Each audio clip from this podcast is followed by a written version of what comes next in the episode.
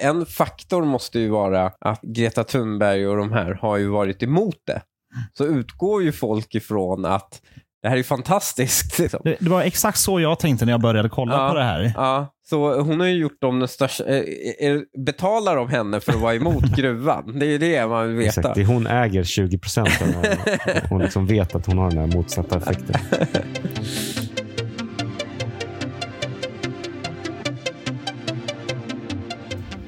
Välkommen till eh, Snacka Cash. Idag sitter vi på Affärsvärldens lokaler. Vi har en av tidningens journalister, Otto Klar, som gäst. Ja, Hanif, hur, hur, känns, hur, hur kändes det att kliva in på Affärsvärldens lokaler? Du, det, det känns eh, anrikt här.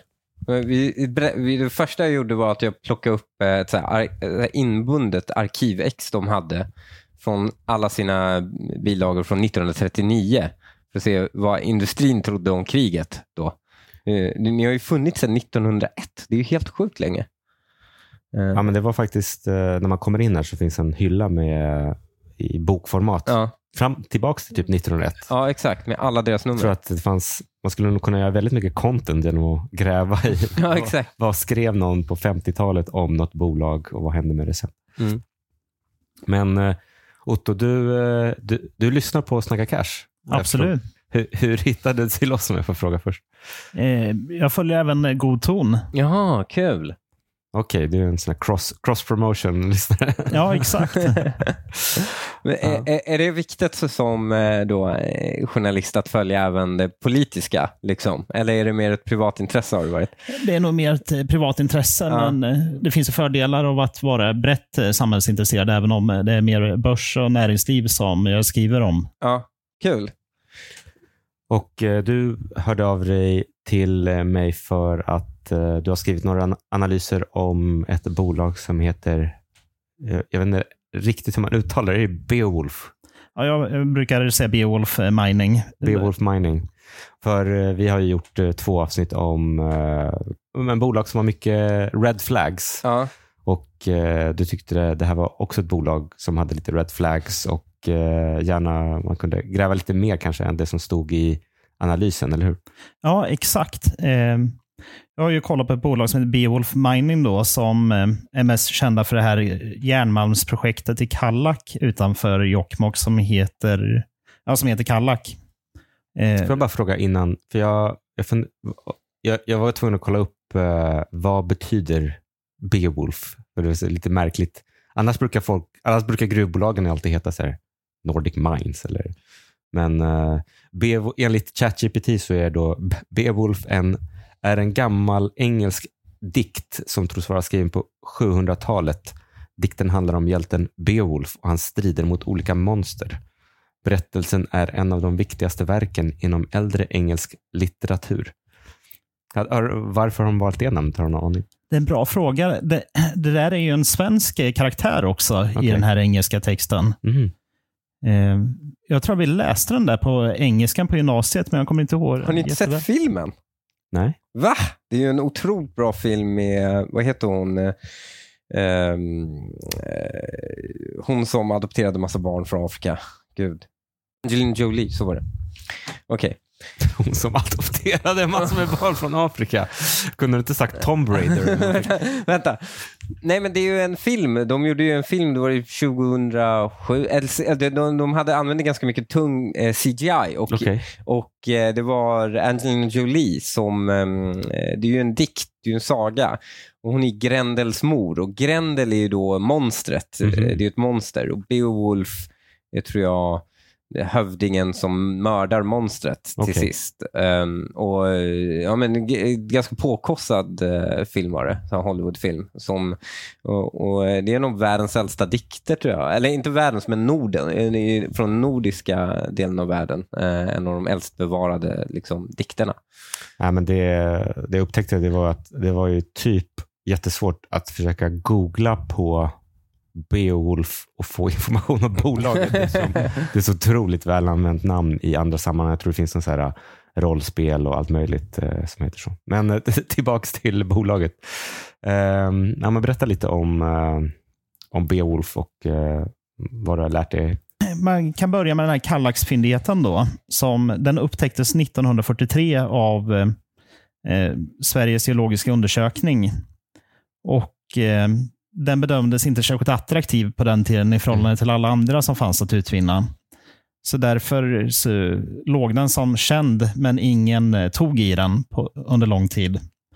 Och sen någon gång under 00-talet här så kom några britter, eh, Beowulf då, och eh, sökte tillstånd för att utforska den här bättre. Mm. Och eh, Jag har inte hittat så mycket mer om Beowulf Mining som bolags äldre historia, men För de är dubbelnoterade, eller hur? exakt, de är noterade i England också, men merparten av handeln sker i Sverige på Spotlight. Och de är på AIM i England, eller? Ja, Den här lilla börsen som eh, den går att telefonhandla, eh, vet jag, från eh, Frontier Development-dagarna. Men eh, ja, den är, det, är väl deras First North. Eller liksom. ja. Mm. Ehm, men av namnet att döma, eh, Men vet, Beowulf, har du någon aning om var den noterad där innan den kom till Sverige? Eller hur? jag tror att den var noterad där Mm. innan. Men gjorde, bol eller, gjorde bolaget något innan eller i hela bolagets syfte att exploatera? Det är en bra Sverige. fråga. Jag tror att de började i Sverige och söka runt lite i Sverige. Mhm. Men jag tror inte att Kallak var det allra första de tittade på. Okej. Eh, och nu är vi någonstans 2005. Mhm. Och eh, kanske typ 2007 så började de kolla på Kallak och sökte tillstånd. Och eh, 2011 noterades den på Spotlight. Okej. Och eh, sen har inte mycket hänt. Eh, Hur mycket pengar tog de in? Vet du ungefär? säg att de har tagit in i snitt kanske 20-30 miljoner om året. Så 2011 så börsnoteras det och då med, med liksom syftet att exploatera, vad heter gruvan? Kallak. Kallak. Vänta, det här är, var det 9, 10, 11? Alltså det 2011 typ eh, var det som det? de noterades på Spotlight. var det 12 år sedan? Typ. Ja. Okej. Men en tillståndsprocess Mm. för att öppna en gruva är evigheter. 12 år är ganska kort tid. Eh, och eh, de hade jävligt mycket politisk flyt. För deras eh, ärende blev lite i skärningspunkten att Löfven hade lovat att vara industrivänlig och också att eh, hela mm, eh, den här kalkfyndigheten i Gotland höll på att kollapsa. Eh, och eh, eh S hade ett problem med eh, att eh, eh det kändes som att MP dikterade deras eh, näringslivspolitik och allting sånt. Så allt, när, det dyk, när allt det är på dem och de måste bevisa att liksom, nej men så är det inte, då är ju Beowulf-ärendet på deras bord. Och då, då fick de, liksom, de fick grönt ljus från regeringen helt enkelt. Eh, och, eh, och sen har faktiskt klarat sig genom de rättsliga processerna ganska bra också. Eh, men det att öppna en gruva i Sverige, eh, det, det är ju aldrig ett myndighetsbeslut eller någonting sånt, utan, utan det är alltid en rättsprocess på det också. Eh, och det är ganska svårt att vinna, för praxis blir bara hårdare och hårdare när det kommer till miljökrav. Men vad, vad man noterar för att driva tillståndsprocessen initialt, antar jag. För då hade man inget tillstånd än, eller 2011? Eh, nej, man hade kanske undersökningstillstånd då, Mm. men Mm. man hade ingen bearbetningskoncession. Och det var den då man fick eh, Mm. här i februari 2022. Mm. Och eh, eh, det var ungefär i det läget som eh, jag började kolla på bolaget eh, var i februari 2023, men efter det hade det inte hunnit hända så mycket. Och eh, det läget de är i nu då är att de behöver även ett miljötillstånd innan de kan börja anlägga någonting. Mm. Och de behöver även lösa finansiering. Men det som är närmast här nu är miljötillståndet. Mm.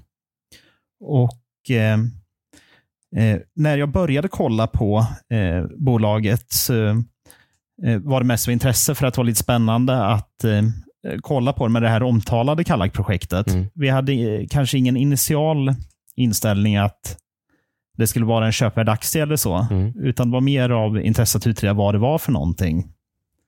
Men eh, förväntningen var väl ändå att det skulle finnas någonting vettigt bakom det här Kallak-projektet. Mm. Annars kändes det som att eh, Moderaterna och de borgerliga partierna inte hade gjort det till en principfråga om eh, eh, jag uppfattade det så. Hur uppfattade du det Hanif? Men min uppfattning är att Moderaterna gjorde det till en eh, principfråga här, lite med Kallak, om gruvetableringar överhuvudtaget. Ja, alltså vi, vi hade ju väldigt stor irritation eh, förra mandatperioden på eh, regeringens gruvpolitik. Särskilt med tanke på att de gjorde oss riktigt förbannade genom att förbjuda uranbrytning. Ehm, så de konflikter som tidigare fanns inom gruv och mineralnäringen, den var ju att Moderaterna tyckte att markägaren borde få bättre ersättning. Eh, det var, I Sverige är det ganska schyssta villkor att bryta malm. Man betalar ju inte någon särskild avgift till staten, Eh, för det, utan du betalar bara till ägaren. Eh, och Sen eh, så tyckte man att det kunde man ju höja också, den, den den eh, procenten av avkastningen som man är, eller det, jag tror, det, det, är någon regel på hur mycket man ska ge. Så det, där låg konflikterna. Men sen med tiden när praxis bland den icke-politiska delen av Eh, statliga förvaltningen. Alltså när myndigheterna blir tuffare, när domstolarna blir tuffare, när det dyker upp nya miljöregler som övertolkas från EU och så vidare. och så vidare. I takt med att det har strypt gruvnäringen, för just nu tror jag vi har bara 15 öppna gruvor i, i Sverige och det har väl inte öppnat någon ny på evigheter. Då, då, då, eh, att, att då förbjuda uran, vilket var en, en urangruva var ju på G då. Då blev vi så här, okej, okay, men här, här måste vi sätta stopp, här måste vi söka konflikt, man måste kunna öppna gruvor i ett, i ett land som har byggt sitt välstånd på, på mineralbrytning. Eh, och, eh, vilket är, alltså, det är så kul, för när man kommer in i riksdagen, så eh, riksdagshuset, det nuvarande är ju gamla Riksbanken. Och det hade, där man har byggt plenisalen, det är på taket av riksdagen. Och förut var det en kupol där. Och på sidan av den kupolen var det två stora målningar. Och, och Det är för att Riksbanken inte skulle glömma var pengarna kom ifrån.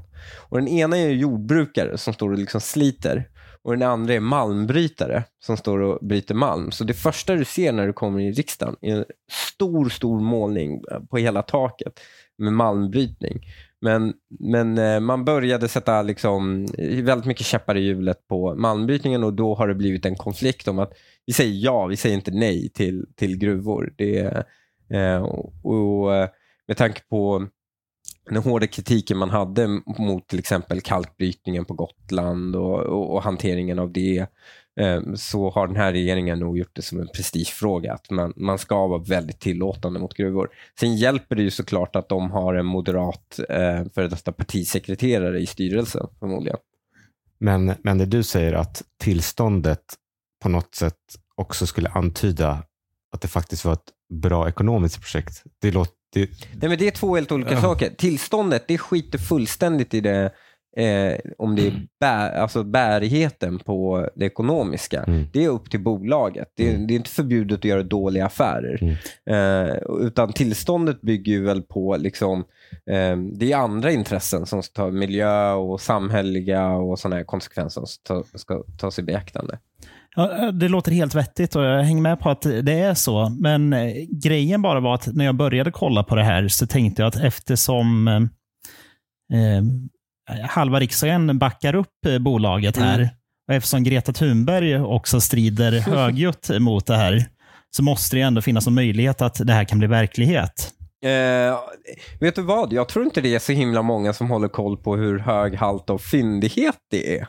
Det är liksom, utan konflikten har snarare blivit lite kulturkrig i form av Ska vi få ha gruvor i Sverige eller inte? Ska man få bryta nya gruvor? Behöver vi mineraler? Särskilt med tanke på att den här urangruvan jag tidigare pratade om, den hade ju extremt stora fyndigheter även av vanadium um, och eh, neodyn som man gör de här elbilsmagneterna eh, på och så vidare. Och då blev det ju så här, är man grön om man tillåter öppna gruvor eller är man grön om man förbjuder att öppna gruvor? Och där har det blivit en höger-vänster-fråga i att eh, man är grön om man då omfamnar eh, nya mineraler och, och gruvor och, och, allt sånt. Och sossarna stod och vägde förut och nu har ju sossarna landat i att så här, den norrländska industrirevolutionen är, eh, är, är 2.0. Vi ska vara för eh, öppnandet av nya gruvor och industri i Norrland. Um, och med det, sen är det ju också, staten har ju Um, I och med att man har LKAB så blir ju väldigt mycket fokus på just LKAB. För där kan ju politiker ta all cred. Liksom. Um, men uh, men uh, jag tror det är det snarare det att folk skiter väl fullständigt tror jag när konflikten dyker upp så skiter de fullständigt om gruvan är bäring, har en bäring eller inte. Utan det blir nästan en, bara en principiell fråga. Är vi för gruvor eller är vi emot gruvor som koncept? Ja, det, det, det, låter som att uh, Beowulf skickade in sin ansökan i exakt liksom, rätt politiskt intervall. Där liksom, högern sökte någonting att godkänna. och, eh... men, men, det var ju, vi ska veta, det var Magdalena Anderssons regering som gav godkännandet. Ja, eh, så, så, men de lär ju fortfarande, och nu är det ju nu är det helt i händerna på jurister. Eh, för då är det ju miljötillstånd och då är det ju eh, myndigheter och domstolar som avgör. Ja, men uh, okej, okay. då, då har jag utrett att det fanns ingen, uh, ingen hade kollat på fyndigheten innan det godkändes. Och uh, men innan vi går in på liksom, bolaget så vill jag, jag tänkte bara säga att liksom, mining-sektorn generellt, om man liksom läser om jag säger inte att Beowulf är en fraud, men mm. om man läser om så här, vart begås det mycket fraud så är det inom mining. Mm. För det är väldigt det är just väldigt lätt, för du kan säga så här, jag har den här gruvan, jag har den här fyndigheten, ingen kan kontrollera det. Eh, du kan liksom också ha borrat en, en core sample som råkade vara väldigt bra mm. och eh, sen älskar folk och bara, ah, men om det är så här mycket och gruvan är så här stor så kommer det bli så här många miljarder. Och du kan liksom det är nästan som att pre-sälja sån här krypto. Att du kan, hela värdet kan du liksom nästan realisera innan du har brutit en enda grej om du kan ja. Övertyga folk att här finns det. Eh, det, apropå fraud på det. En av, eh, när, jag var, eh, när jag skulle placera mina PPM-fonder. Mm -hmm. eh, det här var väldigt, väldigt många år sedan. Jag kunde ingenting om, jag kunde ingenting om börsen för ett halvår sedan. Tänk mm. hur lite jag kunde för om, om det här var 12-13 år sedan. Jag skulle placera mina PPM-pengar. Och då eh, så, så, så hade jag ju fått tipset att är du ung ska du ta hög risk. Mm. Så då gick jag in på PPM och så sorterade jag på risk mm. eh, och så tog jag den med absolut högst risk. Um, och Det var Blackrock Africa Mining uh, och jag förlorade alla mina pengar uh, på den fonden. Den hade skyhög avgift och, uh, och det blev inte mycket kvar av det. Så det var min, det var min första faktiskt börsexponerade. Men du tog hög risk i varje fall? Jag tog hög risk i alla fall. Jag följde råden. Okay. Men det verkar vara högriskbransch det här med, det här med gruvor. Mm. Absolut. Um men eh, då, då första stegen när jag började kolla på det, utifrån när jag kom in i det, så tänkte jag ändå att eh, det nog kunde bli någonting. Och i nästa steg då så eh, googlade jag runt lite vad andra hade skrivit om det och hittade kommentarer från eh, gruvexperter och professorer som eh, kommenterade det eh, det verkar, alltså beslutet om bearbetningskoncessionen. Och deras kommentarer var att det var lite ett eh, dolt nej, typ. Det tillståndet de fick. För det var tydligen massor andra villkor med om hur samerna skulle ersättas och så vidare. Mm. Så gjorde att experterna dömde i princip ut projektet på det skedet och sa nu tror vi inte att Beowulf kommer gå vidare med Kallak efter det här. Mm. Eh, men bolaget har inte alls kommenterat det. Mm. Utan eh, de tycker att det var en stor framgång det här beslutet. Eh, men jag tog kontakt med några av de här professorerna och frågade om vad som är huvudproblemen i projektet. Mm. Och eh, Det de lyfte fram var att eh, halten är låg i malmkroppen och att malmkroppen är ganska liten och att den ligger dåligt till. Mm. Och att det därför behöver komma till mycket infrastruktur. Mm. Och att det är en jättesvår ekvation att kunna få ihop med eh, lite, en liten fyndighet med låg halt som dessutom ligger långt bort från infrastruktur. Men jag tror bolaget eh, hävdar väl i sina pressreleaser att det är inte, 14 års eh, brytning och miljarder i vinst på deras mm. kalkyl. Exakt, vi kan börja med det första eh, ganska missvisande påståendet från mm. bolaget. Och det är att De lyfter alltid fram att eh, det ska vara så himla hög halt. Mm. De lyfter fram att eh, deras produkt har en halt om 71,5 procent järn. Och, eh, men hur det faktiskt ligger till är att eh, 35 procents järnhalt i Kallak. Och eh, Sen så har de visat i ett laboratorium att det teoretiskt med en eh, dyr process går att anrika det här till 71,5 procent, vilket är högt. Men eh, man vet ingenting om eh, vad kostnaden är för det. För jag tror i någonstans så läste jag att de eh, gör en eh, jämförelse med om det är en LKAB-gruva. Någonting, att de, har, så här, de har också 70 procent och vi har 70 procent. Exakt. Men du menar på att de två, det är inte samma 70 procent man pratar om? Exakt, för att halten i LKABs malm är kanske 60 procent. Mhm. Och 35 då för Beowulf. Okej. Och sen kan LKAB bara med eh, magnetsortering då få upp den till 71 procent. Mm. Medan Beowulf måste eh, göra ytterligare steg då Okej. för att komma upp till den halten. Och eh, Det är ju inget unikt för fyndigheten eller så. Utan det kan man ju ta på vilken fyndighet som helst och lägga till det där steget. Ja, jag sa att LKABs skulle vara 90 procent. Exakt, exakt. Eh, och Det finns ju inget skyddat med den här processen på något sätt. Mm. Eh, så att eh, det är inte en, eh, en rimlig försäljningsargument för att det här är en bra fyndighet. Ja. Att, eh, att det går att bearbeta den upp till en väldigt hög halt. För det går liksom med alla teoretiskt. Okej. Men har de några planer att bearbeta den eller planerar de att sälja av ehm, själva gruvan sen?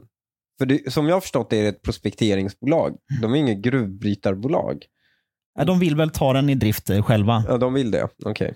Eh, och eh, Sen är den även ganska sliten då som sagt. Kanske typ en fjärdedel av LKABs minsta gruva. Och eh, I dagsläget så är deras järn bara klassat som resurs och inte som reserv. Mm. Och Skillnaden där är att det finns oberoende experter som har eh, slag, slagit fast eller undersökt att det faktiskt är lönsamt att bryta den. Och Det har man ännu inte gjort eh, här i Kallak. Okej, Mm. för de, de refererar till någon typ av studie i någon pressrelease som ja, mynnar ut att det ska vara lönsamt, men det kanske inte...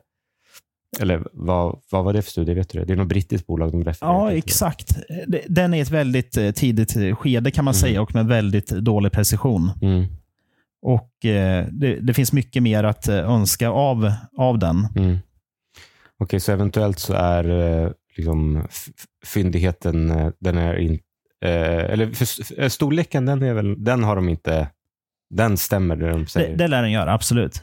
Eh, det är bara att, att det kanske är 35 procent mot de hävdar 70 procent efter vissa processer som ja, det är inte helt jämförbart med LKABs procent.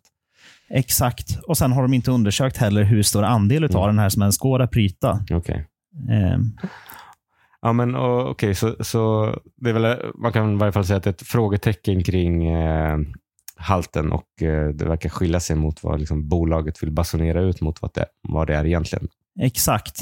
Sen den andra frågan då, det är ju att eh, om du ska kunna bryta lönsamt så behöver du kunna skeppa ut det här i Europa. Och eh, Då säger bolaget att de faktiskt bara är fyra mil från en eh, tågbana. Och Det är den här inlandsbanan då. Mm. Eh, Jag kan berätta lite. Jag kan känna till lite om Inlandsbanan. Okej. Det är nämligen så att eh, min pappa ägde en restaurang i Jokkmokk en gång i tiden. Ehm, och att ta sig till Jokkmokk med tåg då, vilket jag gjorde varje sommar och vinter när det var vintermarknad uppe i Jokkmokk. Det är ju en process för att eh, den här inlandsbanan är ju inte kopplad till det vanliga tågnätet. Mhm. Det, är ju liksom, det går ju turisttåg där. Eh, den är inte elektrifierad, ehm, eller den är bara delvis tror jag det är. Eh, och den är alltså riktigt, riktigt jävla gammal. Ehm, och jag är osäker på om det är en standardspårbredd på den. Jag, jag, är, jag är inte helt säker på det. Det behöver i och för sig nödvändigtvis inte vara pro, ett problem för att man kan ehm, eh, de vagnarna de kommer att köra med behöver ju bara de köra med. Ehm, den används på somrarna nu. Så här, tyska turister åker upp med den till Jokkmokk Eh, och man måste åka någonstans liksom, från Värmland eller någonting. För att ta sig till Jokkmokk fysiskt, ehm, som, ja, från Stockholm, Mm. är ju antingen att du flyger till Luleå och sen är det en tre, tre och en halv timmars bilfärd därifrån till Jokkmokk. eller ehm, flyga till Gällivare ehm, och sen ta sig därifrån till Jokkmokk med bil. Eh, alternativt ta tåget från Stockholm till Narvik. Eh, oftast byter i Luleå, men ibland går det direkt. Då hoppar du av en litet samhälle där det bodde 90 personer som heter Murjek. Sen därifrån tar du buss till Jokkmokk. Alltså det är dåliga kommunikationer till Jokkmokk. Men de ska, håller ju på att rusta upp Inlandsbanan nu. Ehm, så, så det kan ju gynna dem om man håller på att rösta upp den. Men Eh, är, helt men är det rusta upp till en nivå där man kan transportera järnmalm? Det är det som är frågan. Mm. Eh, om, om, om det är en sån upprustning För de gör. För alltså, den här banan, den här banan, alltså, i alla fall söderut från Jokkmokk, de kanske inte vill söderut, så jag vet inte vilket håll de vill. För alltså, LKAB skeppar ju sin järnmalm på banan till Narvik och sen tar det via båt därifrån. Norrut tror jag i det här fallet. Från eh, Jokkmokk till Gällivare de vill. Ja, och sen då- omlasta. Omlasta där. Ja, men det skulle ju, då, då är det ju inga problem. För Inlandsbanan i övrigt gå, åker ju rakt igenom samhällen. För den är ju den är meningen att den inte ska användas. Liksom. För då har man ju liksom byggt samhällen runt Jo, men jag, jag googlade bilder på Inlandsbanan. Då kändes det som att det var liksom ett steg upp från det här tåget som åker på Skansen. Ja, det är det ungefär. Det är, alltså, det är ett, eh, det är ett liksom, turisttåg för Ja. vuxna. Det är ett barntåg för vuxna. Mm. Ehm, så den är ju inte till för tung trafik någonstans. Eh, Så, men från Jokkmokk eh, norrut så är det ju dött där. Så det kan man ju absolut använda. Men det Ehm, måste fortfarande rust, det måste rustas upp. förmodligen, Ja. För några miljarder. Det, det behövs eh, nog läggas nya spår, verkar det som till och med, Mm. för att eh, klara vikten. Okej. Och sen så, De trycker väldigt hårt på fossilfritt och grön omställning och så vidare från Beowulfs sida. Så då lär det ju behövas elektrifieras dessutom. Ja. Så det är nya spår och sen eh, ledningar då. Kan man driva ett ånglok med el på något sätt? Ja. Ja, biobränsle. eh, det, det är kul att du nämner Murjek, för det är ju det andra alternativet de har talat om. ja. Att köra med eh, eldrivna självkörande lastbilar 10 mil från Jokkmokk till Murjek och omlasta till eh, i, eh, Malmbanan där och sen köra till Narvik eller Luleå för utskeppning. Eh, det är nog inte realistiskt, tror jag. Men de där vägarna pallar ju inte det. Nej, Ehm, Det är ju självkörande. Ja, i och för sig. Ja, Jag skojar. Nej, men det, eh, det, det, det låter inte alls realistiskt. nej. Att göra. nej jag håller med. Det. Ja. Du, är det inte billigare fan att bygga räls till Murjek då? Nästan. Ja. De har tagit en transportband också. Det, Oj, de har spelat Factorio. Det här spelet där allting ska transporteras på transportband. Det, det är ju ganska långt. Alltså. ja, det är Ja. 10 mil. Det är långt. Så jag antar det är 6 mil till eh, mellan Murjek och Jokkmokk och sen ytterligare 4 mil. Hur många gånger ska den här lastbilen eh, laddas mellan? Ja, det är en bra de fråga. men i och för sig, om de har ju den här, eh, det finns ju den här eh, elektrifierade vägar, lastbilar som går på eh, ellinor. Eh. Mm. det skulle de ju kunna göra, men de måste ju, ja. Ja, det skulle de ju kunna göra. Men det de har man ju haft provanläggningar på i, på västkusten i Sverige. Bygga det för några miljarder. Ja. Ja, exakt. I, inget av det här är väl egentligen omöjligt. Det, det är bara långsökt allting. Mm. liksom. eh, och eh, eh, Det faktum att den upptäcktes på 1940-talet men att ingen har varit intresserad av att bryta den sedan dess är ju något som jag tycker är intressant med. Men Men- det kan ju lite väl ha med både prisläge och, ehm, och teknik att göra väl? Eller? Absolut, det, så, så kan det vara. Men eh, det är inget kvalitetstecken i alla fall kan Nej, jag tycka. nej. Men så, såklart så blir brytningstekniken blir bättre Mm. och sen så priset stiger. Så båda de faktorerna eh, drar i den riktningen. Men eh, ja, innan vi går vidare, bara, en sak kring transporten. Det en, dock tänker jag till liksom bolagets försvar så är det så att alla gruvor har väl legat dåligt till, till någon gång. Liksom. Eh, det måste vara väldigt tur att du bara hittar en gruva typ bredvid en hamn. Liksom. Eh, så att, att, att, det in, att det inte finns existerande transport, det är klart, är det en lönsam stor gruva så kan det ju byggas. Men Men det är ju en skillnad på LKAB som eh, eh, i alla fall vet att de har malm till 70 år till. Ja, Och då är det lönsamt för dem att flytta Ja. hela Kiruna. ja, det är sant. Men eh, de här planerar väl att den här ska vara i drift i vad? Hur länge? 14 år 14 tror jag att de talat om i Så första ska bygga upp en, liksom en infrastruktur Mm. för det som bara ska hålla i 14 år. Alltså också, jag har inte hört talas om ett infrastrukturprojekt som tagit kortare tid än Det är 14 sant. år. Så, Mm. så, lagom till att infrastrukturen är på plats i gruvan. Men sen har det varit ganska bra omsättning i ledningen på bolaget. Ja, eh, det har det. Eh, Tre personer här har lämnat på mindre än ett år. Först var det Sven-Otto Littorin, gamla arbetsmarknadsministern. Mm. Sen var bi- Va, vilken roll hade han innan? han var styrelseordförande. Och sen hoppade av? Ja, exakt. Mhm. Och han eh, Var, kom... var det någon kommentar kring varför? Nej, Personliga skäl? ja, typ nå- Ja. något sånt. han eh, var ju en del blåsväder under eh, tiden med.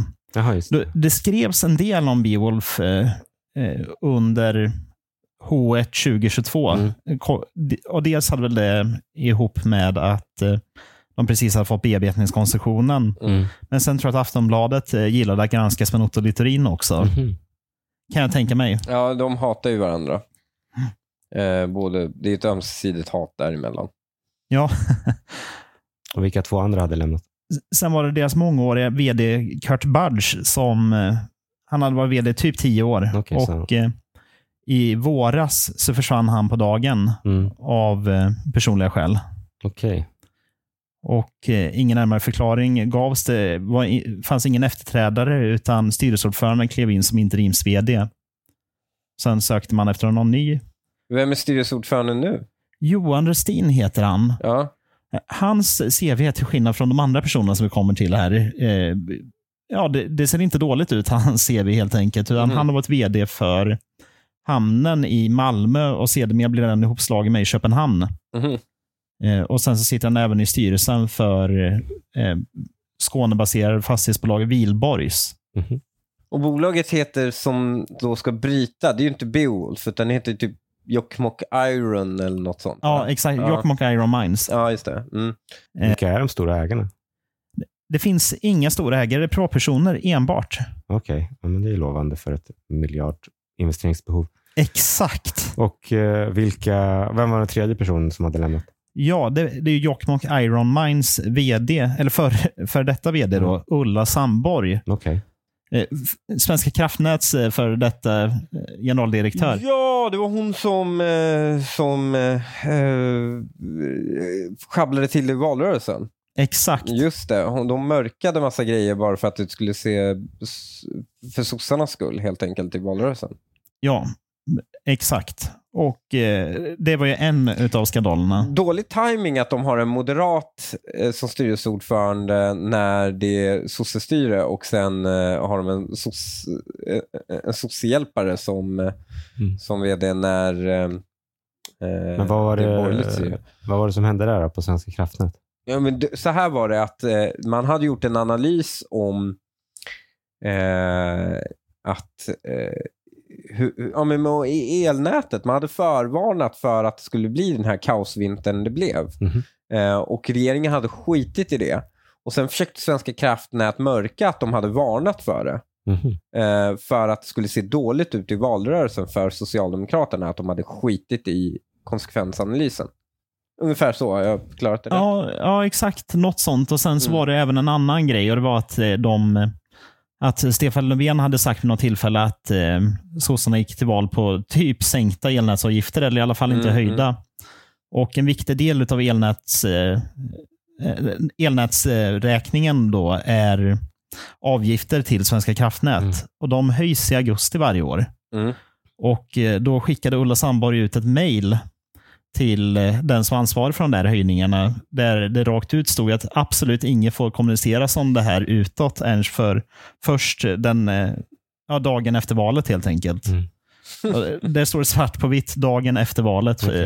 eh, tills vad, dess, men det, det låter väl inte så allvarligt egentligen? Hon var bara en god parti, partikamrat. Ja, men hon, meningen var att hon skulle vara Men en varför fick hon oberoende... Varför fick hon kicken? Därför, du får inte göra så som... Var det, var det det hon fick avgå för? Nej, det, det var det inte. Och Det, det finns två skandaler till här, Okej. otroligt nog.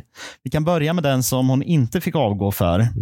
Och Det var att hon rekryterade en vän till ett väldigt lukrativt eh, konsultuppdrag. Mm. Och eh, Dagens Nyheter granskade det där och det var även någon, eh, någon av cheferna där som eh, var emot eh, den här rekryteringen och menade på att den här personen behövdes inte. Mm. Och eh, Han skulle ha blivit eh, utköpt och fått några månadslöner för att lämna sin tjänst. Okej. Och eh, sen nästa grej som hon fick gå för, det, det var lite som den Transportstyrelseskandalen, Ja. med säkerhetsprövningar. Just det. Vad var det? det var, hon hade anställt... Nej, det var inte att hon hade... Men det var någonting om att det var eh, risk för eh, så att säga, läcka till, till utomstående part. Exakt var utländsk personal som hade tillgång till Just känsliga det, system. som inte var säkerhetsprövade. Så Ja. var det. Mm. Men det, ja. Eh, det, fick hon skit för det? Hon fick ju gå för det. Men, men, Varför skyllde hon inte bara på att hon inte hittade ett mötesrum för att göra säkerhetsprövningen? Det brukar ju funka. det, det var väl en... Eh, Mm. eh, Dagens Industri, kör, eller Dagens Nyheter, eh, körde ett stort eh, reportage om dagen om eh, hennes skandal på Mm, Svenska mm. kraftnät. Så jag kan tänka mig att det var Dagens Nyheter kanske som Mm. praktiken avsatte henne där. Men för, för när man får kicken som generaldirektör som hon fick, då, då blir man inte arbetslös, utan då hamnar man på någon sorts uh, avbytarbänk. Nej, men eh, att vara generaldirektör, det är lite... Det är ett förtroendeuppdrag nästan. Eh, Alltså, du är tjänsteman, eh, absolut, men du får det under ett, du har ett fast kontrakt på antal Mm. år. Okej. Och eh, eh, så att säga, du kan aldrig, du kan ja, skilja generaldirektören från sin myndighet, Mm. men slutar inte vara generaldirektör. Mm. Så då blir det en generaldirektör i statsrådsberedningen. Okej. Eh, och det är det som kallas för kyrkogården. Mhm. Och de får de facto inga arbetsuppgifter. Mm. Ehm, och, och så får de typ en, bara, men du ska syssla med strategisk analys och bla bla bla. Och jag vet inte, strategisk analys kanske betyder någonting i resten av världen, men det gör det ju inte där inne. Mm. Så, så då um, gör, står de och rullar tummarna tills deras tid har gått ut, helt enkelt. Om de inte självmant då, eh, avgår då. När jag eh, satt och kollade på eh, just Sandborgs CV, Mm. för de hypade upp ganska mycket att hon eh, kom från tjänsten som generaldirektör på eh, regeringskansliet. Mm. Och då just när jag såg det så råkade en eh, bekant eller en vän ringa som eh, är riksdagsledamot. Och eh, då eh, frågade jag honom, eh, väntar generaldirektör på regeringskansliet, är inte det någon av statsministerns statssekreterare som är myndighetschef där? Och då sa han direkt, jo men det är ju Elefantkyrkogården. Exakt. Och eh, Okej. Men det låter, det, jag, jag såg också det där, det, det, det lät ju bra på engelska. Jag, jag, jag tror de skrev, eh, alltså att de refererar till näring, det var näringsdepartementet till och med. Ja, det blir ju det på Ah, okej. näringsdepartementet, för hon är utsedd för el... Eh, eh, energi, alltså, Svenska nät ligger under näringsdepartementet. Mm. Så du, ha, du hoppar ju upp på ditt Mm. departement när du blir av med din myndighet, helt enkelt. Men därifrån gick hon då som, hon blev då vd för eh, eh, gruvan. Då. Ja. Men eh, ja, man skulle i och för sig kunna säga att hon kanske är bra på att navigera det politiska och det behövdes. Men hon, hade, men dess, men hon har sedan dess lämnat. Då. ja, ett år senare då, eh, någon gång i början av augusti, några dagar efter att eh, ny, en ny vd hade tillträtt också, som tog över efter han Kurt Budge, Mm. eh, så slutade hon på dagen. Mm. Och eh, Hon uppgav skälet att hon inte hade fått förutsättningar att göra sitt jobb Okej. Och vill inte gå in på vad det innebär. Mm. Ja, det finns ju någon intressant story där, vad som hände. Men, Ja, Sveriges Radio, eh, efter eh, min eh, text publicerades som det här så ringde Sveriges Radio upp ordföranden Mm. och testade några av mina punkt, punkter i min kritik på honom. Och, för Jag tryckte mycket på att det är uppenbart turbulent här med de Mm. tre mest centrala nyckelpersonerna lämnat på mindre Mm. än ett års tid. Och eh, Styrelseordförande Johan Restin han eh, ville mena på att det finns ingen intern turbulens här, utan, eh, utan det är bara slumpmässiga faktorer som gör att alla de här tre har slutat Mm. eh, samtidigt.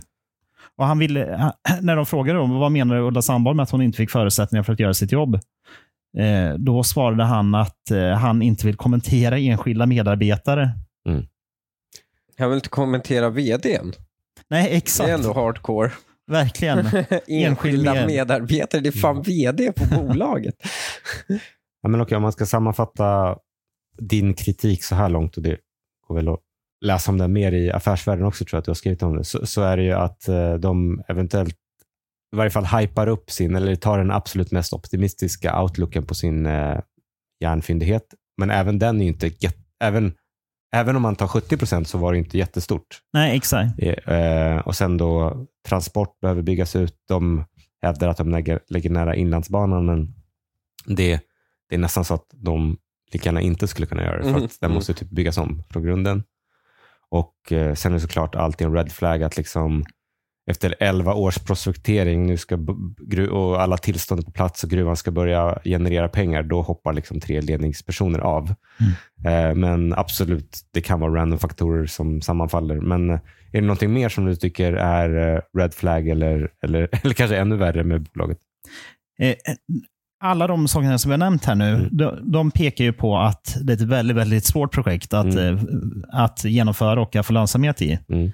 Då kan man tycka att, eh, att det behövs eh, ett bra team bakom. Mm.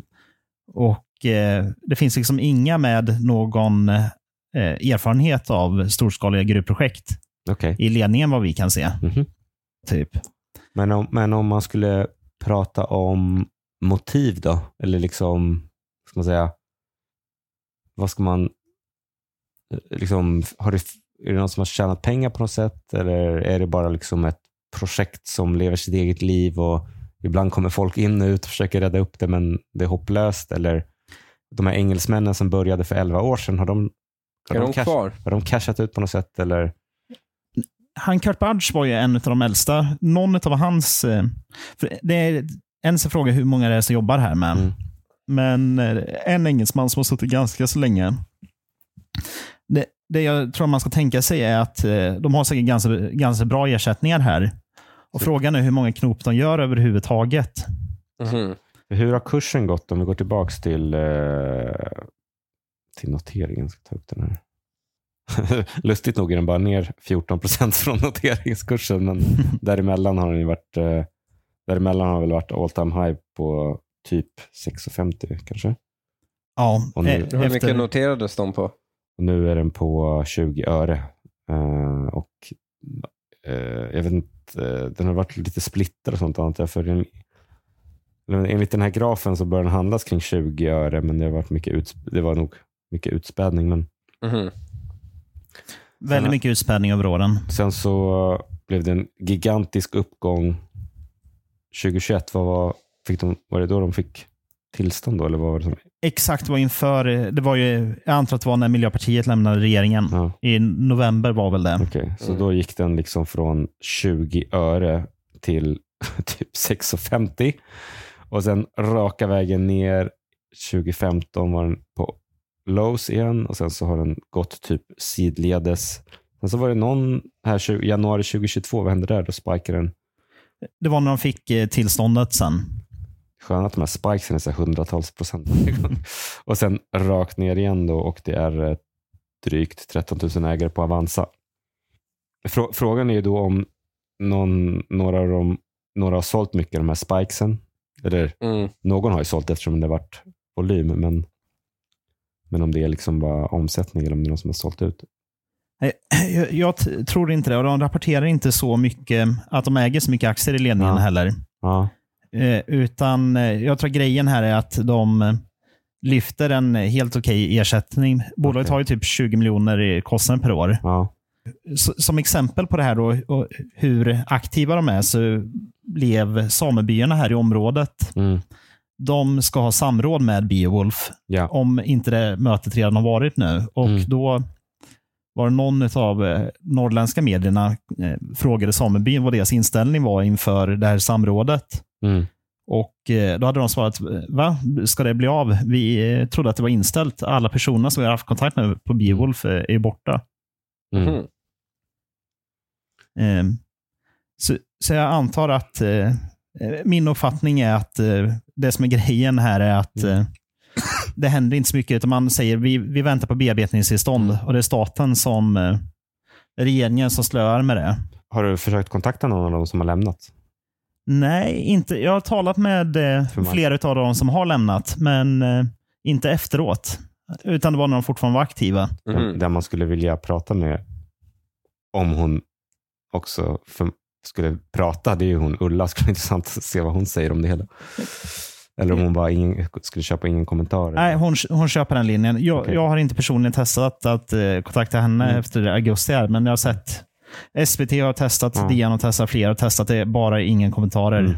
Mm. Men eh, på tal om hur smidigt de har han, hanterat eh, sina grannar i samebyarna där, Mm. så sa gamla vdn eh, sa några bevingade ord på frågan om vad grannarna eh, tycker om, eller lokalbefolkningen tycker om planerna. Mm. Eh, jag tänkte spela upp det för er så Ja, kanske man kan klippa in det. Absolut. I show this, this, this slide primarily to people in the UK and Ireland because one of the big, one of the major questions I get is, what are the local people going to go ahead and say about this project? And I show them this picture and I say, what local people? You know, there are people there. We spend a lot of time in Jokkmokk and the other areas around there talking to people. The basic response has been, has been positive. But, you know, the population density here in the North Sweden, as you know, is very low. People in, in London aren't aware of that. You know, the population density in London, in the UK, is about 400 per square kilometre. Up here, it's 2.6. It's dramatically different. Den där fick han en hel del kritik för. Vilken, Ja, pic- vilken picture. Vilket stämmer. Alltså han har ju rätt. Det är inga fucking local people där uppe. Eh, det, det där är ju jättekonstruerat. Att det, skulle finnas, det är ju helt dött där ute. Det är ju från wilderness. Mm. Men förutom, okej då har vi liksom massa avhopp i ledningen, lite oklarheter om transport, lite oklarheter om fyndigheten. Är det någonting mer som du tycker står ut kring caset? Och den andra frågan är väl, finns det några typ halvkonkreta milestones i närtid? Liksom? Det, det är mi- miljötillståndet. Mm. Ehm, och eh, Det var beskedet att de skulle skicka in ansökan under det här året. Mm. Det har de skjutit på. Ehm, och Sen kanske det dröjer ett år eller något sånt Mm. tills eh, Mark och miljödomstolen har processat eh, det. Sen, eh, det som är kvar efter det är ju att... Sen är det Mark och miljööverdomstolen såklart. ja, just det, den kommer ju över, Den kommer omprövas. 100% överklagas. Mm. Särskilt om profiler som Greta Thunberg och sånt backar upp eh, liksom, protester. Mm. Det kommer vara väldigt mycket eh, sannolikheten att den klarar sig inom Så första det, det är garanterat negativ cashflow på 20 miljoner några år framåt till i varje fall. Ja. Ja, Och sen kanske man kan tjäna pengar i 14 år. ja. Om man Men- bygger upp eh, stambanan och eh, transport och eh, ja, bygger upp en gruva också. Det är inte. Men så om de eh, klarar sig hela vägen till miljötillstånd och eh, det kanske man inte ska utesluta, utan eh, det kanske man klarar. Mm. Då, det är där man kommer till väggen där jag tror att det här kommer ta slut. Mm. Och det är att då ska ju det här finansieras ett antal miljarder. Ja, just det. Det måste man ju ta in. Mm. Och jag kollar på Holdings nu, största ägare här. Mm. Avanza Pension, Mm. privatsparare med andra ord, som Ja. har ägaren för 11 miljoner i bolaget.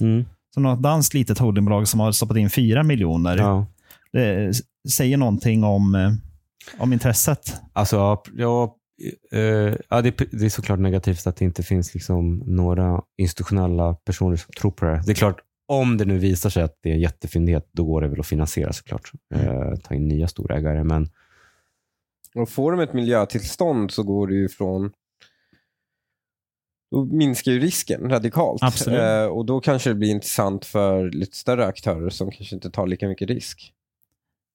Nej, men eh, Men frågan är om de tycker att det är risk nog med tanke på att ja, delvis får du inte elpris, vad säger jag, ja delvis har du energikostnader såklart, men delvis har du ju, eh, får inte järnpriset bli för lågt och, eh, och,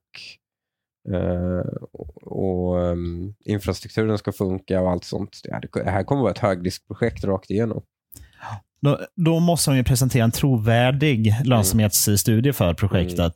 Mm. Och eh, eh, En sån kommer sannolikt inte visa på någon lönsamhet. Och om man kollar på deras hemsida, presentationsmaterial och så vidare, så tror jag att de kommer ha ganska svårt att få övertyga en större placerare att eh, trycka in någonting i det här. Men vem, vänta, vem var vd nu, sa du? Eh, Ed Bowie heter han. Okej. Och, och eh, Han verkar ha någon eh, motsvarande bakgrund inom lite prospekteringsbolag och Mm. så.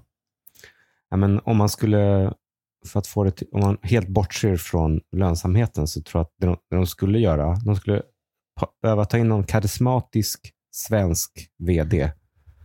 Någon så här, kanske någon halvsame. Eller så här, någon som och så kan representera det här. Och Sen så skulle de säga att de ska få upp halten med hjälp av AI. Med hjälp av AI-prospektering. Och sen eh, transporten, kanske de kör, kör hyperloop. Eller, eller ja, men det finns ju det. Själv, självkörande lastbilar är ganska ja, bra. det är smart. finns det svenska bolaget. Ja. Eller Tesla, de här Tesla-lastbilarna. Mm. Då tror jag aktien skulle kunna gå riktigt bra faktiskt. Men, på, på, Men det är ändå då Ja. fem miljarder som ska in från privatsparare. Det tror jag knappt att Ilja hade klarat eh, landsdagarna om, som vd för Beowulf. Ja, bra fråga. Men jag menar, det är ju idioter där ute som har pumpat in hundratals miljarder i så här H2 och sån här eh, grön stålprojekt. Mm. Så, så eh, det, det behöver inte vara Mm. omöjligt. Men Northvolt har ju väl fått ganska mycket cash med. Där är ju också lite tvek på och, och sånt. Så det finns ju, verkar ju finnas, de är ju väldigt likvida så fort du är grön. Mm. Eh, Så de behöver ju bara de behöver byta namn från Beowulf till Greenwolf eller något. Så, så, Ja. så Nej, men, eh, jag skulle säga att, eller även om du håller med, men det, det finns ju ingen så här, här är Palmevapnet. Liksom. Vi vet att eh, det är liksom, de har förfalskat någon grej och sen några checkade ut. Det, det, det är en ganska rolig slump att just i det här rummet vi sitter i på Affärsvärlden så hänger en stor affisch här där det står att, eh, jag, vet inte, vad, är det här en artikel från Affärsvärlden? Eller? Det är från 120-årsjubileet, eh, tror jag. Så gjorde man eh, lite affischer med Det är, tillbakablickar. en, det är en bild på en gubbe som, i kostym som gräver ett hål i en gruva i marken och texten är 1954 bestämde sig staten för att lösa in LKAB från det privatägda Gränges. Ja, så de köpte ut det, då, visste Mm, inte. mm. Inlösensumman, närmare en miljard, var ett horribelt slöseri, ansågs det då antar jag, med skattepengar. Summan var tillräckligt stor för att köpa kontrollägande i samtliga viktiga börsbolag. Så vi har haft inflation sedan dess, kan vi konstatera. Och sen så skriver de, med denna miljard brännande i fickan fick Gränges sedan på en, gick Gränges på en huvudlös förvärvs och expansionsrunda som lade grunden till bolagets undergång. Men det finns väl kvar, eller nej? Eh, Gränges eh, finns kvar, men jag tror att det inte är samma bolag Ah, som okej. då. Utan, Okej. eh, Ja, så äh, Gränges sålde LKAB, fick in en miljard och sen så gick de och köpte skit och konkade. Så Mm. att, äh, nej, men som sagt, gru, gruvindustrin är volatil. Men, va- men vad säger du? du, du det, det, det går inte att säga liksom svart på vitt här är en jättefråd, men, men det finns mycket liksom varningsflagg och det ligger liksom i farans natur att de kommer liksom inte kunna bygga upp all infrastruktur för en så liten fyndighet. Nej, exakt. Jag, jag är tveksam till om bolagets företrädare själva eh, tror på projektet. Det, det skulle kunna vara så, men då, eh, då måste de dra åt eh, hållet självbedragare Mm. snarare. Mm. Eh, med tanke på att alla experter man talar med dömer ut det här. Ja. Det finns liksom ingen med eh, god kunskap om Mm. gruvor så jag har stött på en som eh, talar positivt om det här projektet. Men alltså, en faktor måste ju vara att eh, i och med att Greta Thunberg och de här har ju varit emot det, så utgår ju folk ifrån att det här är fantastiskt. Liksom. Alltså, för, för, då, skulle hon skulle ju inte vara emot någonting som är helt meningslöst som kommer gå i stöpet. Liksom. Det, det var exakt så jag tänkte när jag började kolla Ja. på det här. Ja. Så hon har ju gjort dem den största... eh, Betalar de henne för att vara emot gruvan? Det är ju det man vill veta. Exakt, det är hon äger 20 procent. Hon liksom vet att hon har den här motsatta effekten. Det, det, det är liksom... Eh, hon, hon, borde, hon kan ju tjäna mycket pengar på att vara mot miljöprojekt. Mm.